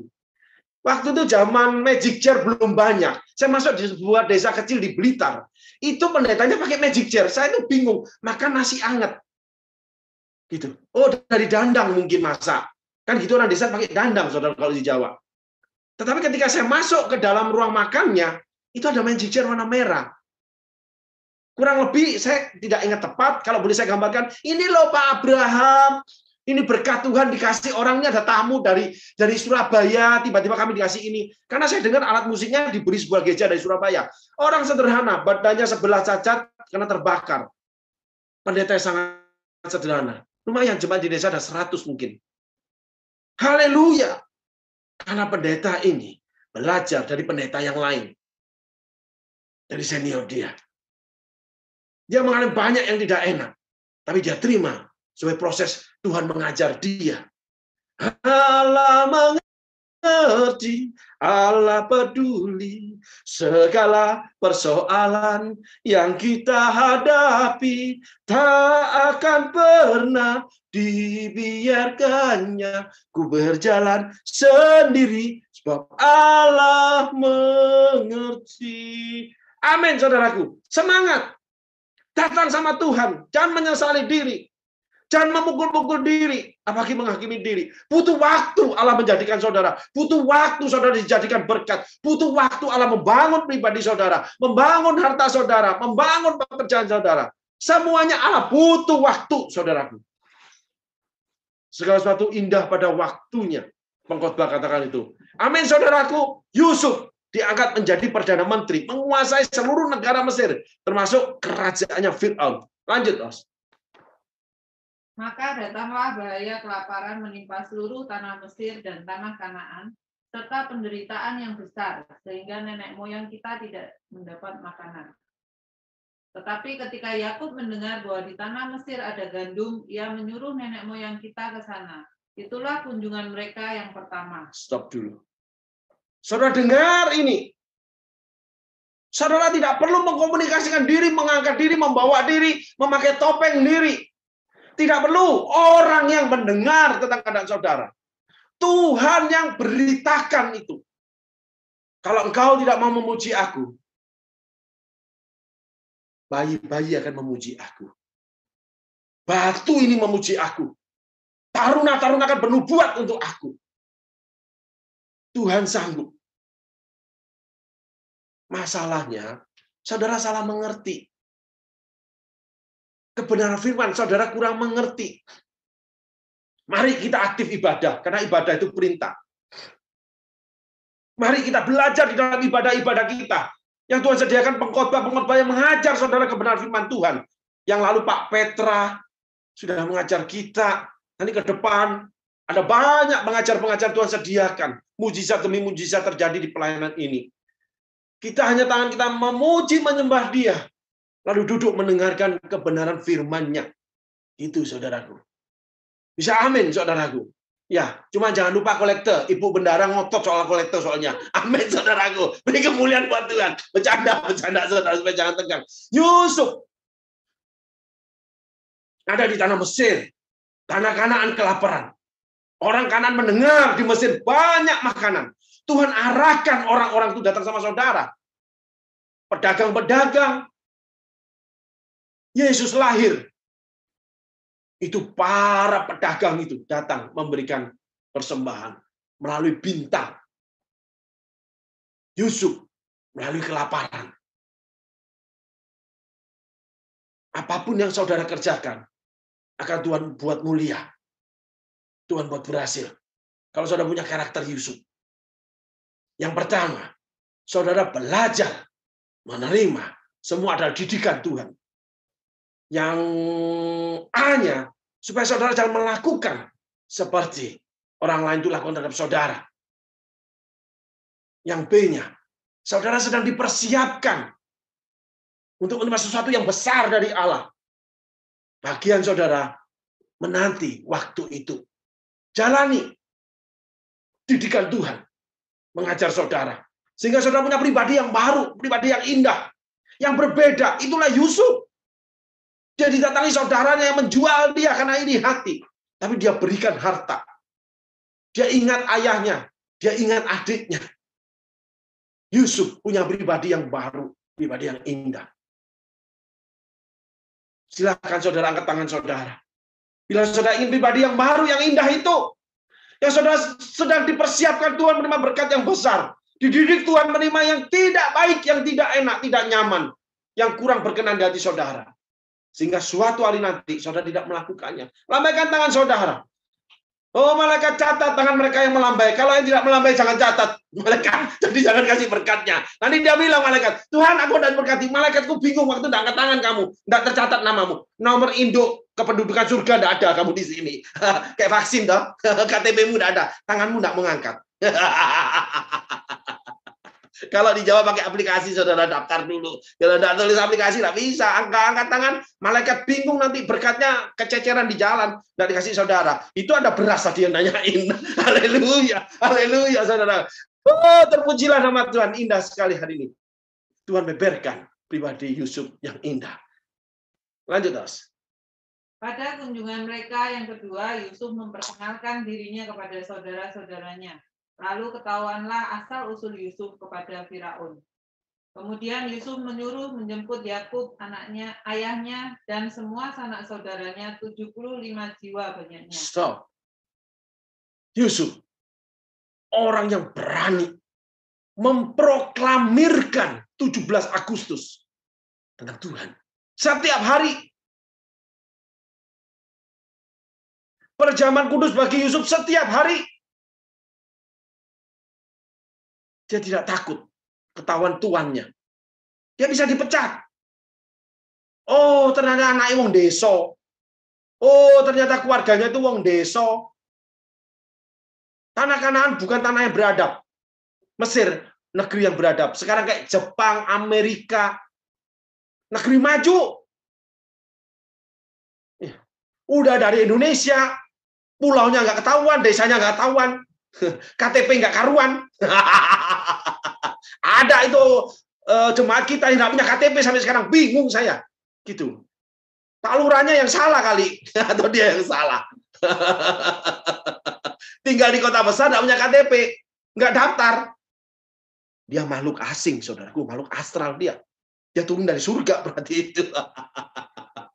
Aneh-aneh jemaat Tuhan ini. Taati pemerintah, karena itu perintah Tuhan. Yusuf tidak pernah malu bersaksi untuk Tuhan. Tidak pernah malu, malu diketahui bahwa dia melayani Tuhan. Tidak pernah malu kalau rebo itu dengar sum. Untuk ibadah. Menikmati hadirat Tuhan dalam puji-pujian. Dan menikmati kebenaran firman Tuhan. Sebagai tuntunan hidup dia. Bahkan memberitahu handai tolan sanak saudara, rekan, teman, bahkan dimasukin ke medsos supaya orang-orang datang beribadah kepada Tuhan. Halo, apa kamu malu masukin ke medsos? Atau malu memberitahu orang, hei ini ada ibadah, enak loh, aku diberkati loh. Anda masih egois. Anda masih untuk cuma menikmati diri sendiri. Anda masih belum masuk didikan Tuhan. Kita diberkati untuk jadi saluran berkat. Yusuf dididik dan diberkati. Dia menjadi saluran berkat. Sehingga lahirlah 12 suku Israel itu di dalam perawatannya. Yusuf yang rawat. Lahir dari Yakub. Tapi Yusuf yang menjadikan mereka bangsa yang besar. Yusuf yang menerima mereka di Mesir ketika kelaparan. Fir'aun memberi mereka tanah. Karena keberanian Yusuf untuk tidak malu diketahui latar belakang dia. Masa lu ke gereja kecil gitu? Masa lu ikut ibadah gereja kayak begitu? Di rumah lu kan nggak ada AC. Eh, nggak ada AC. Penuh AC. Ada orang-orang saya yang berangkat ke namanya pedalaman Tumbang Manggu, 4 jam dari Palangka. Itu naik travel tanpa AC. Sengaja saya kasih dia. Kamu berangkat pelayanan ke sana. Perempuan, saudaraku, tanpa AC. Orang desa kalau naik mobil, kena AC, belum terbiasa pusing. Kita pun sama, saya pun sama. Ketika pertama kali saya naik mobil, pasti saya pusing. Naik kapal saya pasti pusing. Belum terbiasa tubuh saya. Demikian juga orang-orang desa, kalau orang Kalimantan bicara itu orang kampung. Gitu. Tidak pasang AC, pasang AC muntah-muntah dia. Dia pergi pelayanan ke desa sana. Lalu dia balik setelah nginap berapa hari. Bahkan ada lagi yang badannya itu terlalu kecil. Sehingga maaf saudaraku, kalau ke belakang, itu tidak bisa kalau tidak duduk. Jongkok, jongkok tidak bisa dia karena badannya terlalu gede, berat gitu saudaraku. Gitu. Berapa kali ke desa saya utus? Mau. Itu namanya orang tanda terima kasih kepada Tuhan. Halo, Tuhan inginkan saudara. Ketika panggilan itu datang, memang tidak enak. Capek, panas, tidak suka, lelah. Tapi ingat, Tuhan sedang mempersiapkan saudara untuk sesuatu yang besar. Sedang dilatih, dididik. Menerima yang besar dari Tuhan. Yusuf terlatih, terdidik. Setelah tempat Potifar, dia dimasukin penjara. Mestinya ada kecewa. Ketika ujian kenikmatan datang, dia lolos. Ketika dia ingin diajak tidur oleh Tante Ponti. Dia tidak ingin menyakiti hati Allah. Yusuf lolos. Tapi Allah seakan-akan tidak peduli. Apakah seperti itu kehidupan saudara? Saya sudah lakukan terbaik semua begini. Seakan-akan tidak ada Tuhan. Seperti tadi saudara kita Michael katakan dalam kecewanya yang lampau karena tidak, tidak tahu gimana Tuhan. Kok gini-gini terus? Salah saya apa? Beritahu dong. Itu pun doa saya kalau saya marah sama Tuhan. Tapi sering kali setelah itu Tuhan mengingatkan ada hal yang baik yang Tuhan sedang kerjakan. Untuk hal yang besar yang Tuhan sudah sediakan. Yusuf lolos ujian dosa. Malah jeblosin penjara. Mana campur tangan Tuhan?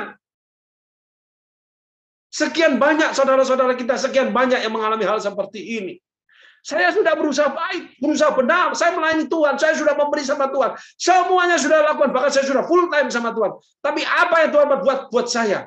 Bukan saya tidak berbuat buat kamu, nak. Tapi sedang saya buat untuk kamu. Sebuah adonan. Sebuah kehidupan yang indah. Karena kamu aku jadikan berkat. Karena yang aku sediakan terlalu besar buat kamu. Sungguh besar setiamu nyata dalam hidupku. Pada saatnya nanti saudara akan diberikan pujian sama Tuhan. Diberikan tempat sama Tuhan. Yang saudara tidak pernah nyangka. Saya beritahu saudara. Ya, saya tidak capek-capek intinya bicara. Saya ini cuma lulusan SMP. Itu empat sekolah, diusir terus. Dari sekolah terbaik sampai yang paling busuk. Bayangin di kelas guru ngajar, saya ngerokok di belakang. Sambil dikipasi pakai buku.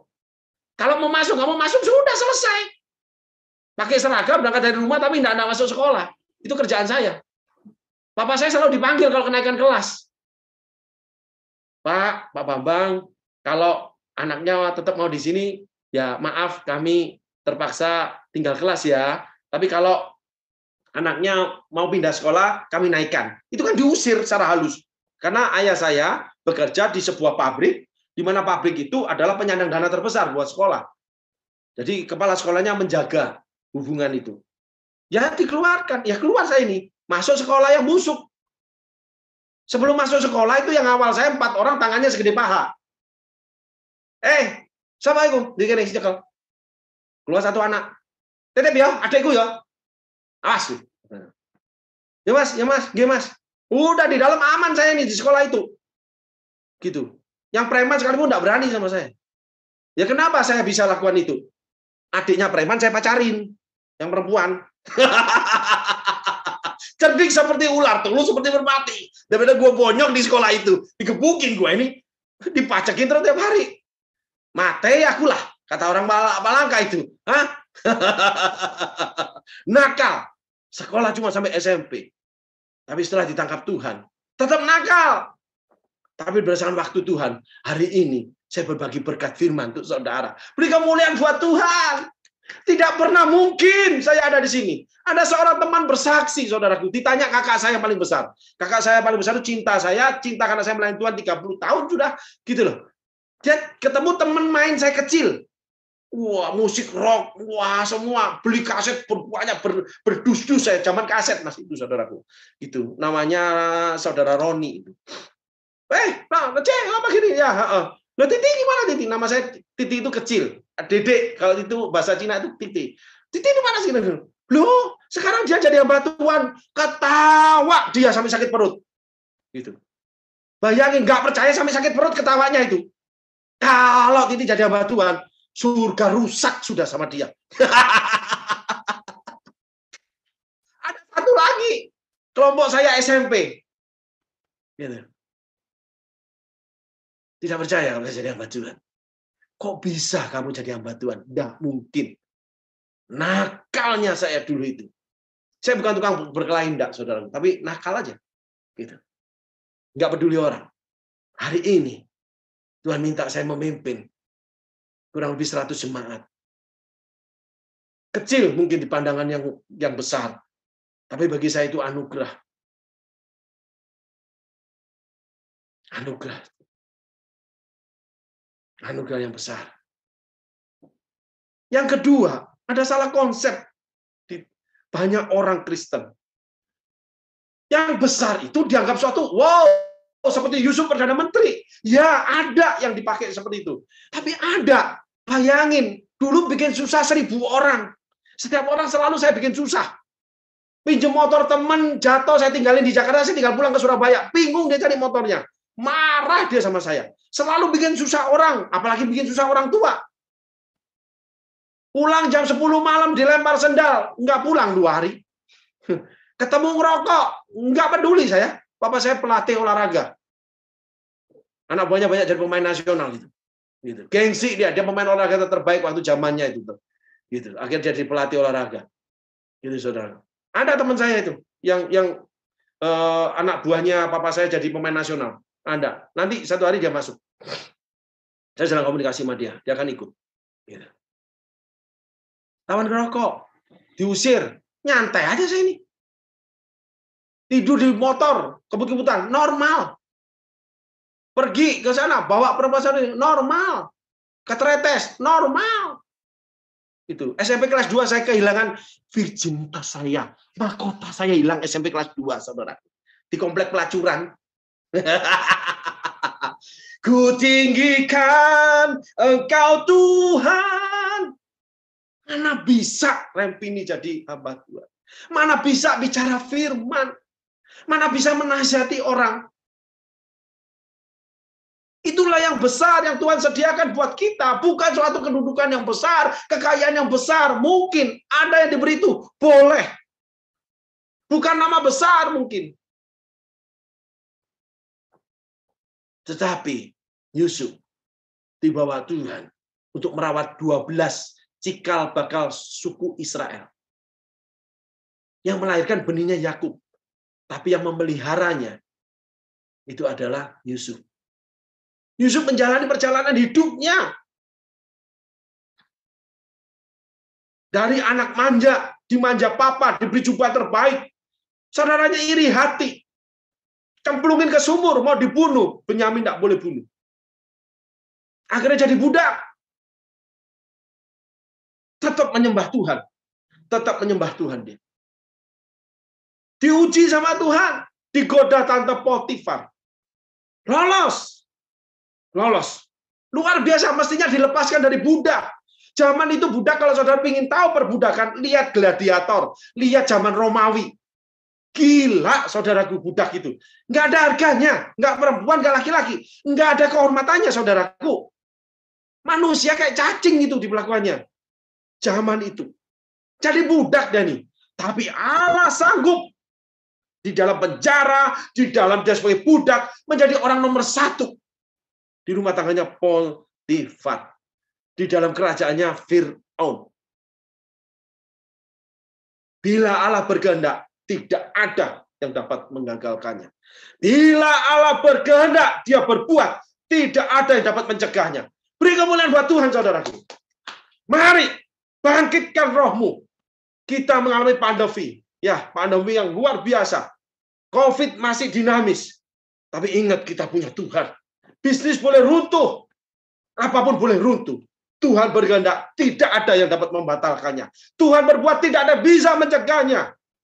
Orang lain runtuh, saudara sedang dibangun sama Tuhan. Beri kemuliaan buat Tuhan. Mungkin ekonomimu yang runtuh, pribadimu sedang dibangun. Mungkin keadaanmu, emosimu yang runtuh, pribadimu sedang dibangun. Tidak ada yang luput dari pembangunan Allah. Tidak ada yang luput dari mata Tuhan. Mata Tuhan menjelajah seluruh isi bumi mencari orang bersungguh hati kepada dia. Masalahnya sungguh hatinya ini ya Tuhan tunggu. Yusuf orang yang sungguh hati sama Tuhan. Kecewa dan kecewa. Tapi pada waktunya yang indah dari Tuhan, Yusuf menjadi Perdana Menteri. Pada waktu yang indah saya hari ini berdiri berbicara atas nama Tuhan. Untuk saudara. Yang tidak mungkin terjadi. Teman saya tertawa semua. Tidak percaya. Surga rusak kalau ada saya. Gitu. Apalagi neraka katanya. Surga malah terima, neraka nggak mau terima. Lontang lantung saya di bumi nanti. Ketinggikan Engkau Tuhan melebihi segalanya lebih dalam ku menyembah. Mari Song leader, dan naikkan pujian ini.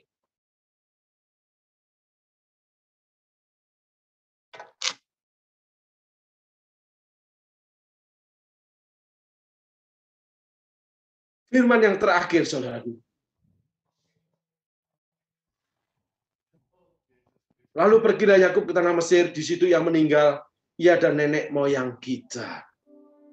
Yusuf dipakai untuk Tuhan punya rencana besar. Yang ketiga, saudaraku, untuk sekelompok orang yang akhirnya menjadi suku Israel, bangsa Israel. Suku yang diperuntukkan buat Tuhan, namanya Ibrani. Yang lahir dari bangsa nomaden, yang dijadikan umat pilihan Allah. Yusuf yang merawatnya. Mungkin kalau ibu-ibu biasa, Mungkin kau cuma bisa memberi makan nasi pecel buat hamba Tuhan, memberi membuat eh, secangkir kopi atau teh buat hamba Tuhan. Saya sering dimasaki sama Mbah Bangas. Ini itu. Ada yang lagi masakin saya ketan. Dia memelihara hambanya. Yusuf memelihara 12 hamba-hambanya yang melahirkan namanya Israel bangsa yang kuat pada zaman ini. Tanpa ada Yusuf, mereka mati kelaparan. Yusuf punya pribadi yang indah. Dia mengingat saudara-saudaranya. Sehingga saudara siap dididik, diajar. Karena Tuhan sedang mempersiapkan saudara untuk menerima yang besar dari Tuhan. Saudara dipersiapkan untuk merawat sebuah bangsa yang besar yang awalnya terdiri 12 anak nakal yang membunuh Yusuf. Tidak ada yang tidak indah. Tidak ada yang buruk, tidak ada yang nakal. Yang ada, Tuhan itu indah. Amin, saudaraku. Tuhan Yesus berkati saudara.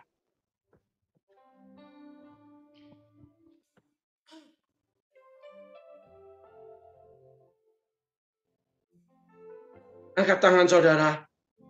Kita tutup ibadah hari ini. Firman Tuhan. Dengan mengangkat tangan dan menaikkan pujian ini sebagai doa. Doa buat kita.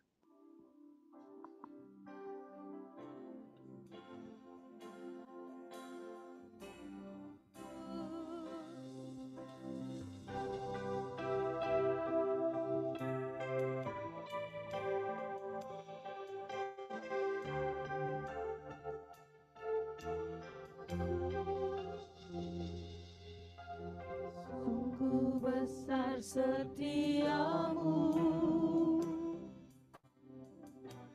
nyata di sepanjang hidupku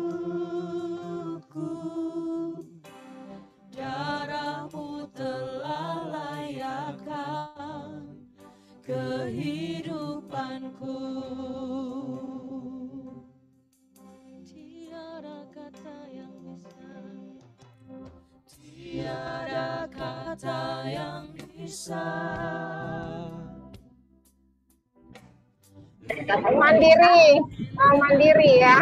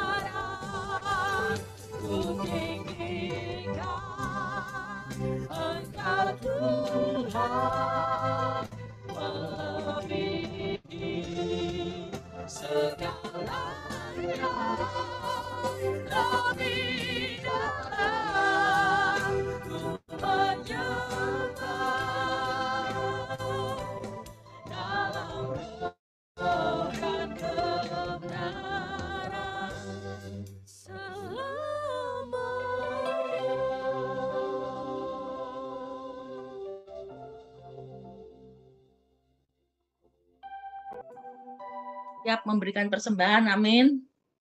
Mari kita berdoa. Kami mengucap syukur atas setiap berkat dan anugerah-Mu. Saat ini kami mau bawa korban ucapan syukur kami di hadapan-Mu Tuhan. Kiranya apa yang kami persembahkan boleh menyenangkan hati-Mu. Terima kasih Tuhan. Berkati setiap persembahan kami. Kami bawa doa kami hanya di dalam satu nama yaitu Tuhan Yesus Kristus. Amin. Buat saudara-saudara yang ingin memberikan persembahan, bisa memberikan persembahannya melalui Bank BCA atas nama Renpi Soeharto dengan nomor rekening 157 127 5177. Terima kasih. Tuhan Yesus memberkati.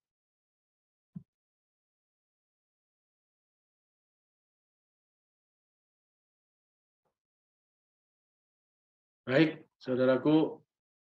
Ya, kita sudah di penghujung daripada ibadah tengah minggu kita. Kita akan melihat kegiatan sepekan di depan, di mana hari Minggu kita jumpa lagi. Kebetulan jadwalnya ada di saya. Itu dengan kesaksian daripada saking banyaknya orang saya itu lupa namanya tidak bisa baca. Artis artis Citra. Gitu. Saudara kalau mau tahu artis Citra itu kurang lebih kayak Ibu Irin gitu loh. Waktu muda Ibu Irin. Ibu Irin waktu muda belum nikah itu wah gitu kayak nikah Adila saudara. Betul saya lihat fotonya kaget saya. Ini saudaranya nikah Adila gitu. Setelah menikah itu nikah Ajubilah saudaraku gitu loh. Nah itu entah dosanya Irin, entah dosanya Rudi itu saudaraku. Nah kita akan eh, hari Minggu kita akan bertemu lagi. Eh, tolong ditayangkan yang yang hari Minggu September ini 29 Agustus. Nah, di sini tuh wajahku muncul saudaraku ya. Dada-dada Mas Saudara, hati-hati. Sebentar, jangan di dulu. Lalu ketemu dengan saya didampingi oleh artis, didampingi hati-hati. Itu namanya mantan pacar ada di sini. Entar malam urusannya repot nih. Jajan nggak keluar, camilan nggak keluar nih. Gitu. Uh, tolong dikembalikan lagi uh, artis Citra ya. Itu seorang penyanyi. Oh, uh, penyanyi rohani saudaraku. Uh, dulu waktu muda itu banyak teman-teman wajahnya kayak begini. Tapi sekarang setelah menikah wajahnya ya saudara lihat sendiri deh di gambar-gambar ini saudara. Gitu loh. Entah dosanya dia atau dosa suaminya. Ya, Tinggal dikit saudaraku. Lalu Rabu depan kita ketemu dengan uh, ya. Uh, tolong uh, Rabu Rabu depan bukan Minggu. Tolong Rabu, Rabunya ketemu Pak ini ya, Pak Thomas. Pak Thomas dengan artis. Oh, anu, ya Ibu Emi Ekiami, sahabat saya, saudara saya, itu adik saya, itu kami bersahabat banget, berjalan dua tahun melayani bersama. Ibu yang luar biasa, punya hikmat yang luar biasa, saudaraku, menata gereja. Eh, beliau salah satu mentor saya di bidang eh, penampilan gereja, bangun profil gereja itu, saya belajar dari Bu Mimi Ekiami, saudaraku. Itu beliau juga uh, pernah menjadi gembala saya selama dua tahun. Uh, saya berada di gerejanya, melayani bersama-sama beliau, gitu, saudaraku.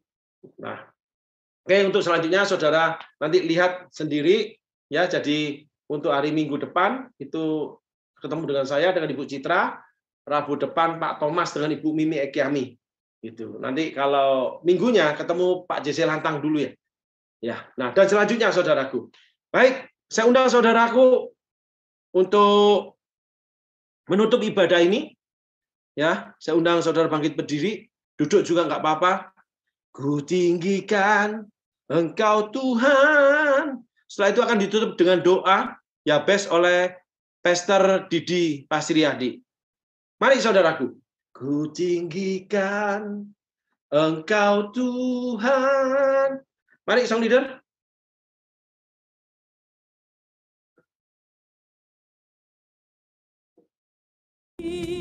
Segalanya lebih dalam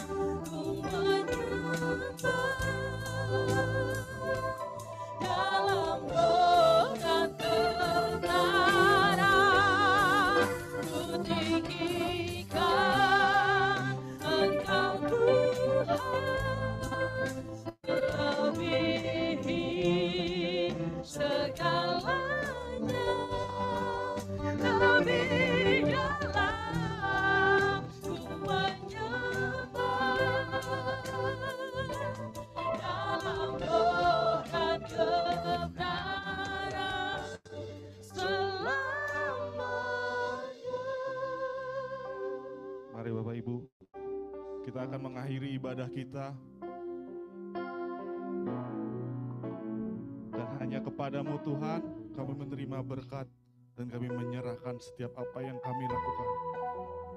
Kiranya Engkau yang memberkati kami.